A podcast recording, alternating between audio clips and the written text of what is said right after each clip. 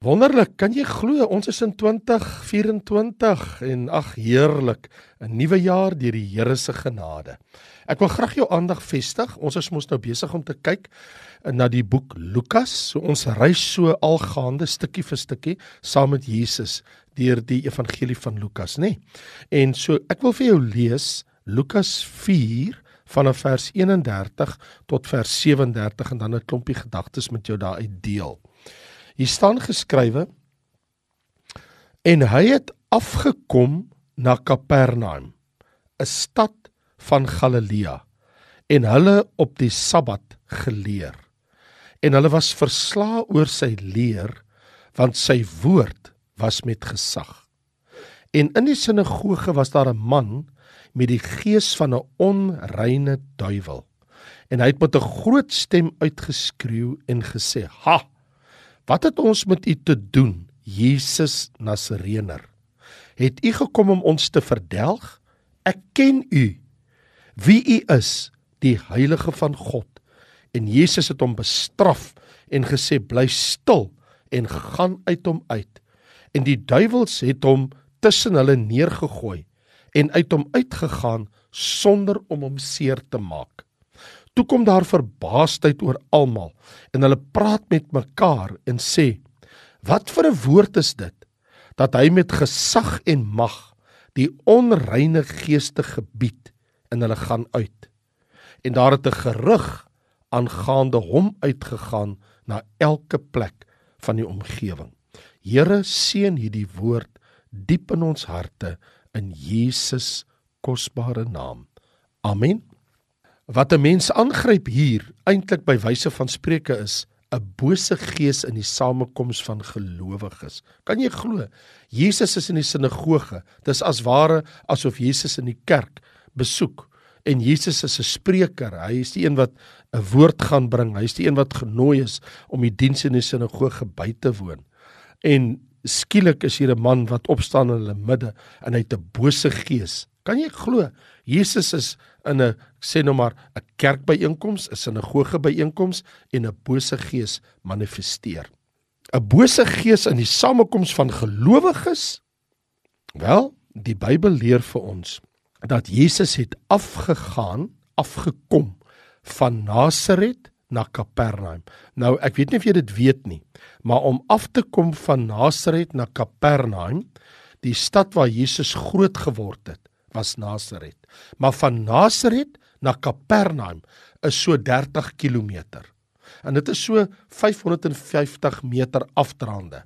So 'n halwe kilometer wat jy sak. Dis hoekom die Bybel sal sê as jy van Nasaret na Kapernaum toe gaan, dan gaan jy af.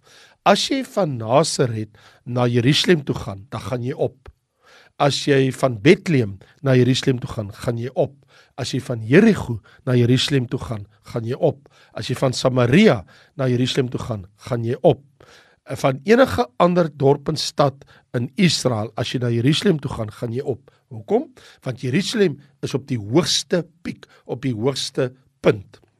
Die ander is aller is laer as Jerusalem. So jy gaan altyd op na Jerusalem, maar as jy na die see van Galilea toe gaan, dan gaan jy af van Nasaret af. So Jesus het afgegaan en want hy het hom gaan vestig. Wat het hy in, Kapernaum gemaak? Hy het van Nasaret Kapernaum toe gegaan want hy het in die jare van sy bediening, hy het eintlik as ware vir 3 jaar in Kapernaum gaan bly. Hy het verhuis van Nasaret alhoewel hy gebore is in Bethlehem het sy ouers gebly in Nasaret. So Jesus gebore in Bethlehem, groot geword in Nasaret, het gaan woon as 'n volwassene van 30 jaar oud. Vir 3 jaar vir sy bediening het hy gaan bly in die dorp Kapernaum en die dorp Kapernaum was omring met ander dorpe soos byvoorbeeld Betsaida en Gorasin en ehm um, so bietjie uh, om die boeg van die see van Galilea het jy Decapolis aan die ander kant gehad aan die ooste, maar dan het jy hierso aan die weste kant het jy ook gehad vir Tiberias uh, by die see van Galilea. So hier lees ons Jesus gaan van Nasaret, waar hy groot geword het, na Kapernaum. En toe in Kapernaum kom, gaan besoek en nou iets interessant van Kapernaum. Kapernaum is weer die tuisdorp van die vissermanne Petrus, Andreas, Jakobus en Johannes. Hulle het daar gebly. Dis hulle dorp. En tegnies is Kapernaum geleë aan die noordwestelike gebied van die see van Galilea, soos ek gesê het met Betsaida en Chorazin om uh, hierdie stede. So hier lê hierdie drie dorpies bymekaar of drie stede bymekaar. Jesus het Kapernaum nou sy stad gemaak. Matteus 9 vers 1, hy het nou verhuis soontoe en hy bly daar. Wel, dis die plek kan jy nou vir jouself dink waar Jesus baie wonderwerke en tekens gedoen het. Vir baie jare het hy dit gedoen sy bediening vir ten minste 3 3 en 'n half jaar.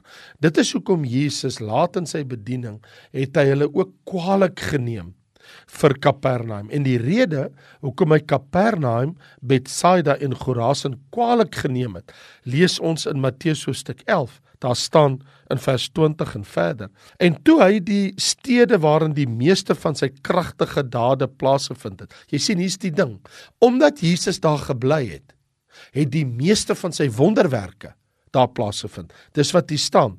Die meeste van sy kragtige dade, van sy goddelike wonderwerke was in Kapernaum, Chorazin en Betsaida. En Jesus op 'n stadium het hierdie dorpe verwyd want hy sê vir hulle omdat hulle nie bekeer het nie, sê hy vir hulle in Matteus 11 vers 21: "Wee jou Chorazin Wee jou Betsaida.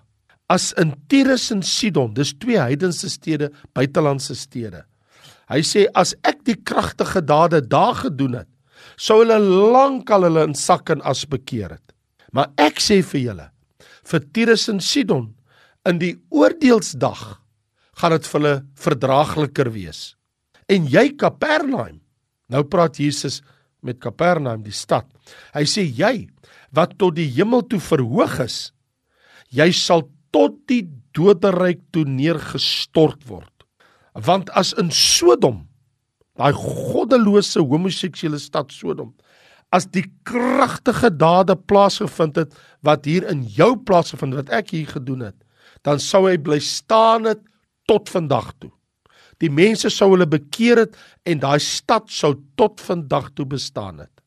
Maar ek sê vir julle, dit sal vir die land van Sodom verdraagliker wees in die oordeelsdag as vir jou. Jesus sê dit sal selfs vir daai homoseksuele stad Sodom verdraagliker wees in die oordeelsdag as vir julle. Want julle het my gesien, julle het my gehoor. Ek wat die seun van God is, al hierdie wonderwerke onder julle gedoen en en julle bekeer julle nie. Julle hou julle hart. Wel, dis nou juis hier in Kapernaum waar Jesus weer 'n wonderwerk doen. Nou lees ons. Ehm um, daar staan en in die sinagoge in Kapernaum was daar 'n man met 'n onreine gees, 'n onreine duiwel. Hy het 'n bose gees in hom gehad. En wat ons nou gaan sien van Dr Lukas wat hy vir ons verduidelik, is dat alle mag behoort aan God en aan sy seun en hy het onbeperkte mag, onaanvegbare reg om in mag op te tree en sy autoriteit en gesag. Of dit is om 'n bose gees uit te dryf, of dit is om 'n blindgebore mens te laat sien, of dit is om 'n lam krepelman te laat opspring en loop, of dit is dat Jesus self op die see van Galilea loop en of dit is dat hy die wind, die golwe stil gemaak het met 'n woord.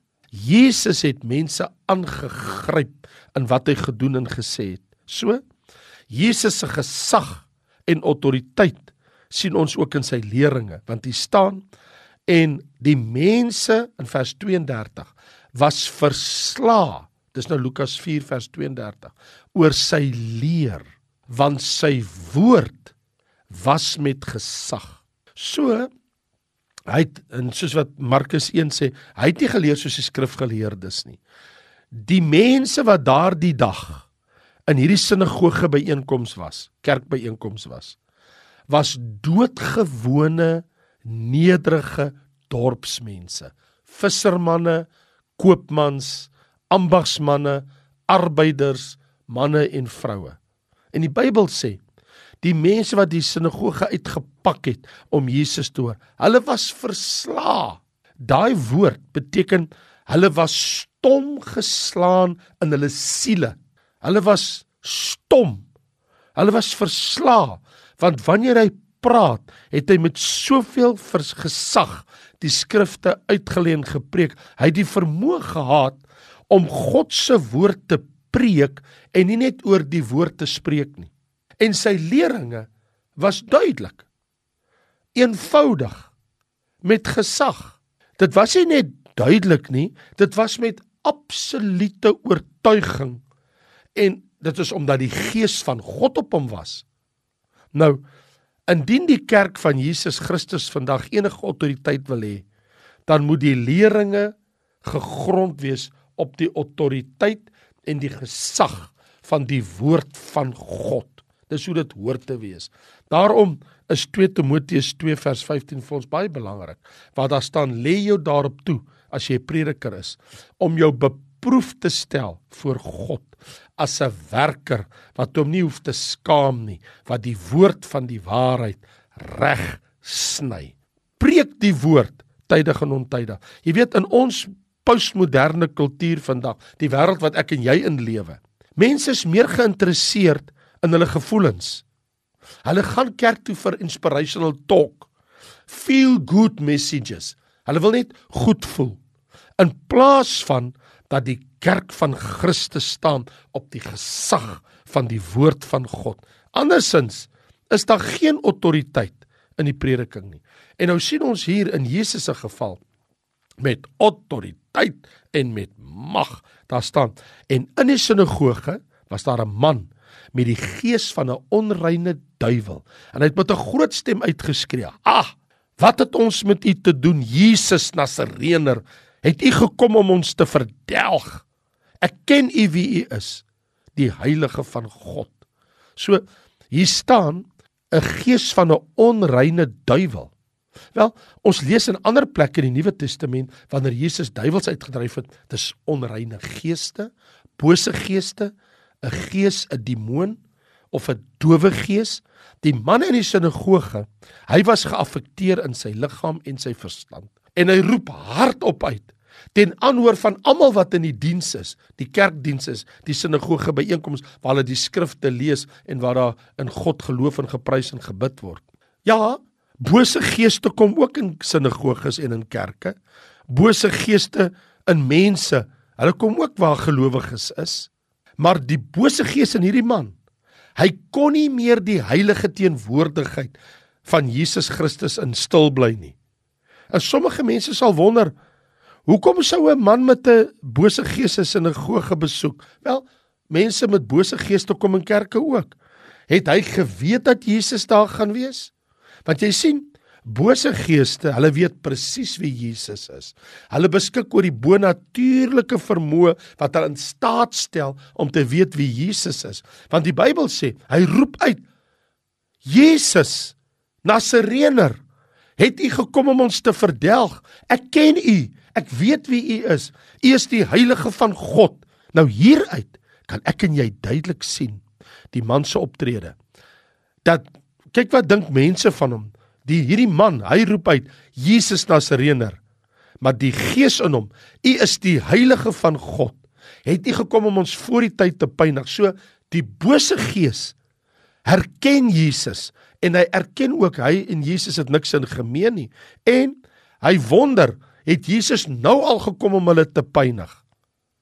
So bose geeste en Jesus verteenwoordig twee opponerende magte en kragte.